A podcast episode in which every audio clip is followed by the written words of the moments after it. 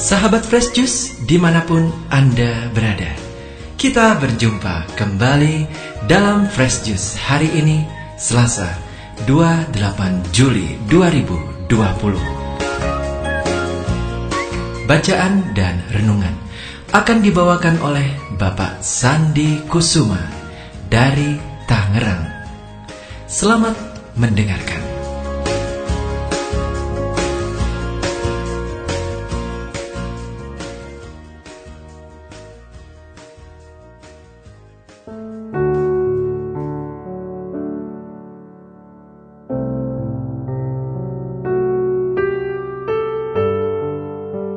pendengar dan pewarta Daily Fresh Juice, bacaan Injil hari ini diambil dari Injil Matius pasal 13 ayat 36 sampai 43 yang berisikan penjelasan Yesus tentang perumpamaan rumput lalang yang tumbuh di antara tanaman gandum.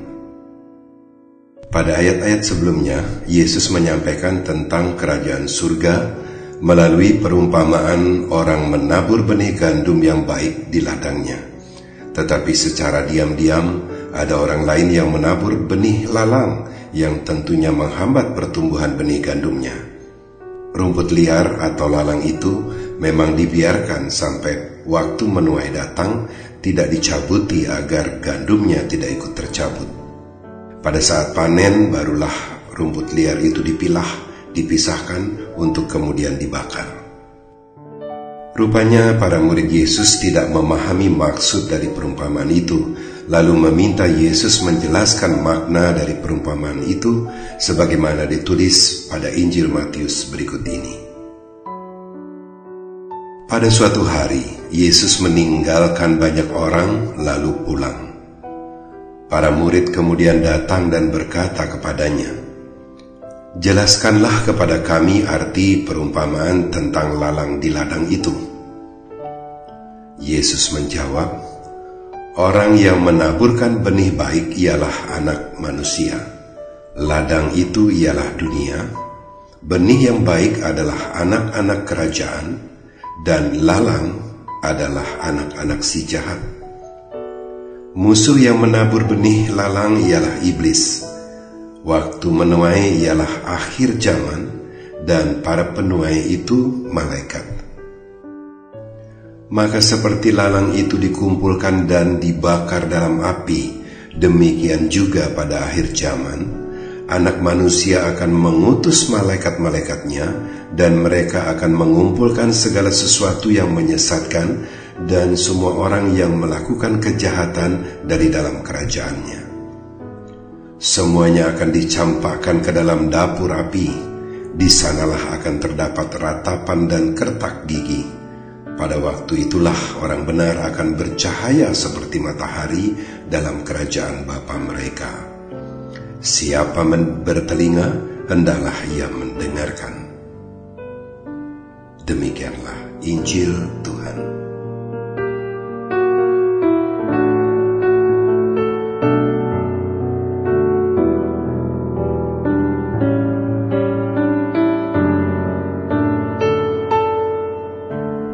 Pendengar dan pewarta dari Fresh negara kita ini adalah negara hukum. Ada undang-undang dan peraturan-peraturan di bawahnya yang wajib dipatuhi oleh setiap warga negara. Bagi yang melanggar tentu akan ditindak, dituntut di depan pengadilan, dan kemudian dijatuhi hukuman penjara sesuai dengan pelanggaran yang diperbuatnya.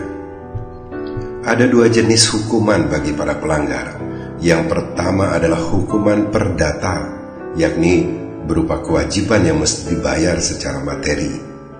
Dan yang kedua adalah hukuman pidana yang merupakan pelanggaran kriminal dan bagi mereka yang melanggar akan dipenjarakan. Mari kita lihat kondisi lembaga pemasyarakatan pada saat ini. Ada sekitar 200 ribu warga binaan yang mendekam di berbagai penjara di seluruh Indonesia Jumlah ini tentulah sangat sedikit dibandingkan populasi Indonesia yang mencapai 270 juta orang. Ya, tak sampai 2 persen. Artinya, sebagian besar orang mematuhi peraturan perundang-undangan. Orang patuh karena takut dipenjarakan. Mendengar kata penjara saja sudah membuat kita merinding, apalagi kalau sampai tinggal di sana. Lihat saja misalnya, orang menggunakan helm ketika mengendarai sepeda motor bukan karena khawatir akan keselamatan dirinya, melainkan karena takut ditilang polisi. Bagaimana dengan hukum Tuhan? Hukum Tuhan memang beda dari istilah yang digunakan saja sudah berbeda. Pelanggar hukum negara disebut sebagai terpidana atau tergugat, sedangkan pelanggar hukum Tuhan disebut sebagai orang berdosa. Asas yang digunakan pun berbeda. Hukum negara berdasarkan asas keadilan, sedangkan hukum Tuhan berdasarkan kebijaksanaan. Dalam hukum Tuhan dikenal adanya pengampunan, dan ini yang didahulukan ketimbang penghukuman, dan tak dibedakan antara pelanggar kecil atau pendosa berat. Semuanya berpeluang memperoleh pengampunan. Ini yang tidak ada dalam hukum negara.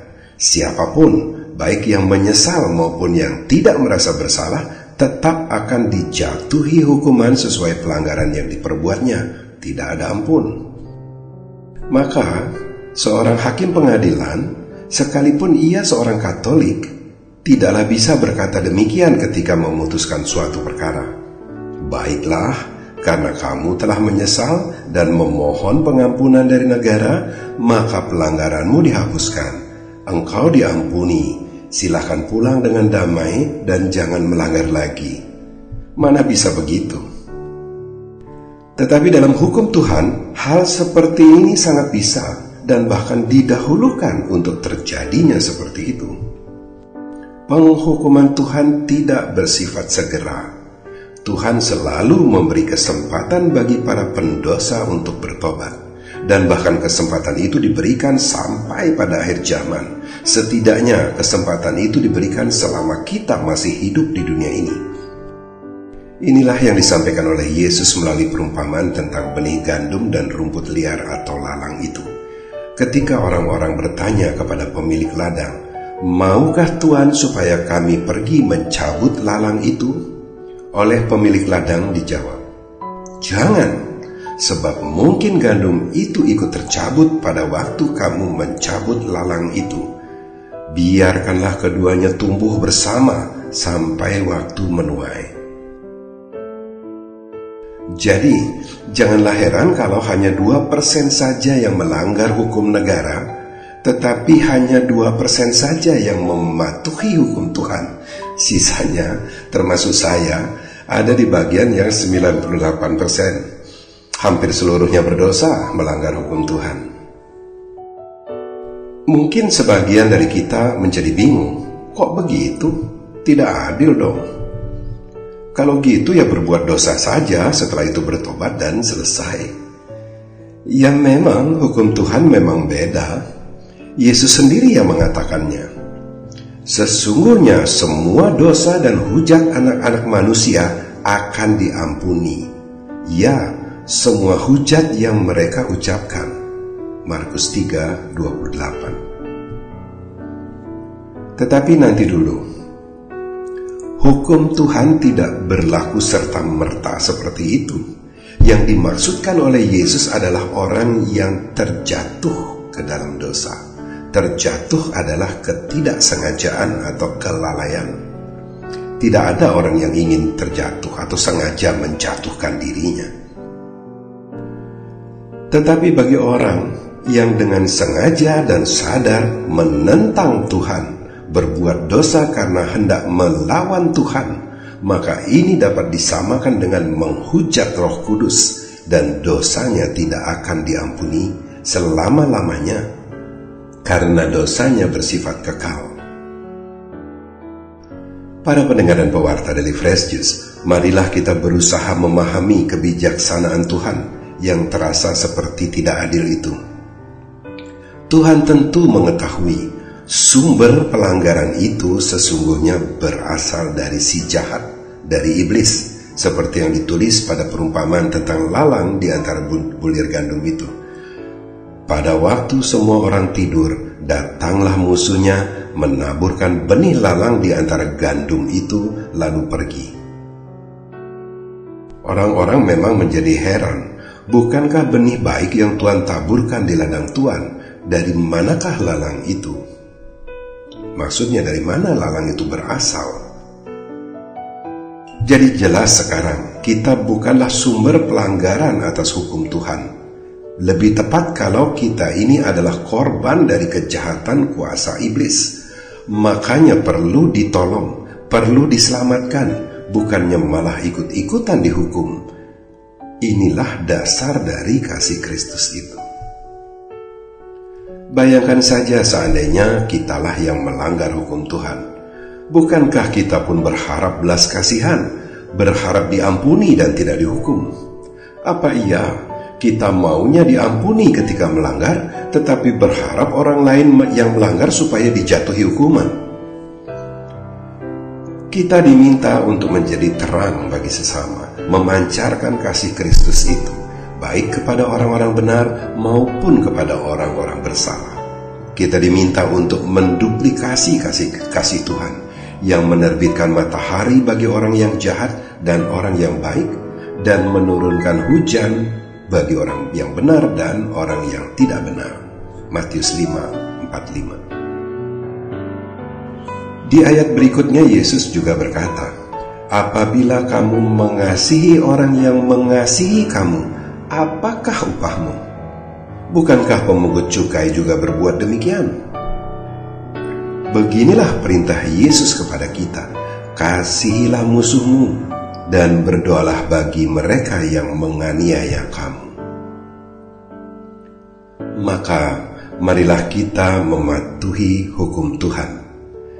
Jika kita mematuhi hukum Tuhan, maka tidak ada satu pasal pun dari hukum dunia yang akan kita langgar, karena hukum Tuhan berada di atas hukum manusia. Sahabat Fresh Juice, kita baru saja mendengarkan Fresh Juice Selasa 28 Juli 2020. Segenap tim Fresh Juice mengucapkan terima kasih kepada Bapak Sandi Kusuma untuk renungannya pada hari ini. Kami juga ingin menginformasikan bahwa renungan audio Daily Fresh Juice bisa diakses melalui channel YouTube dengan alamat youtube.com garis miring salam fresh juice sampai berjumpa kembali dalam fresh juice edisi selanjutnya tetap semangat jaga kesehatan dan salam fresh juice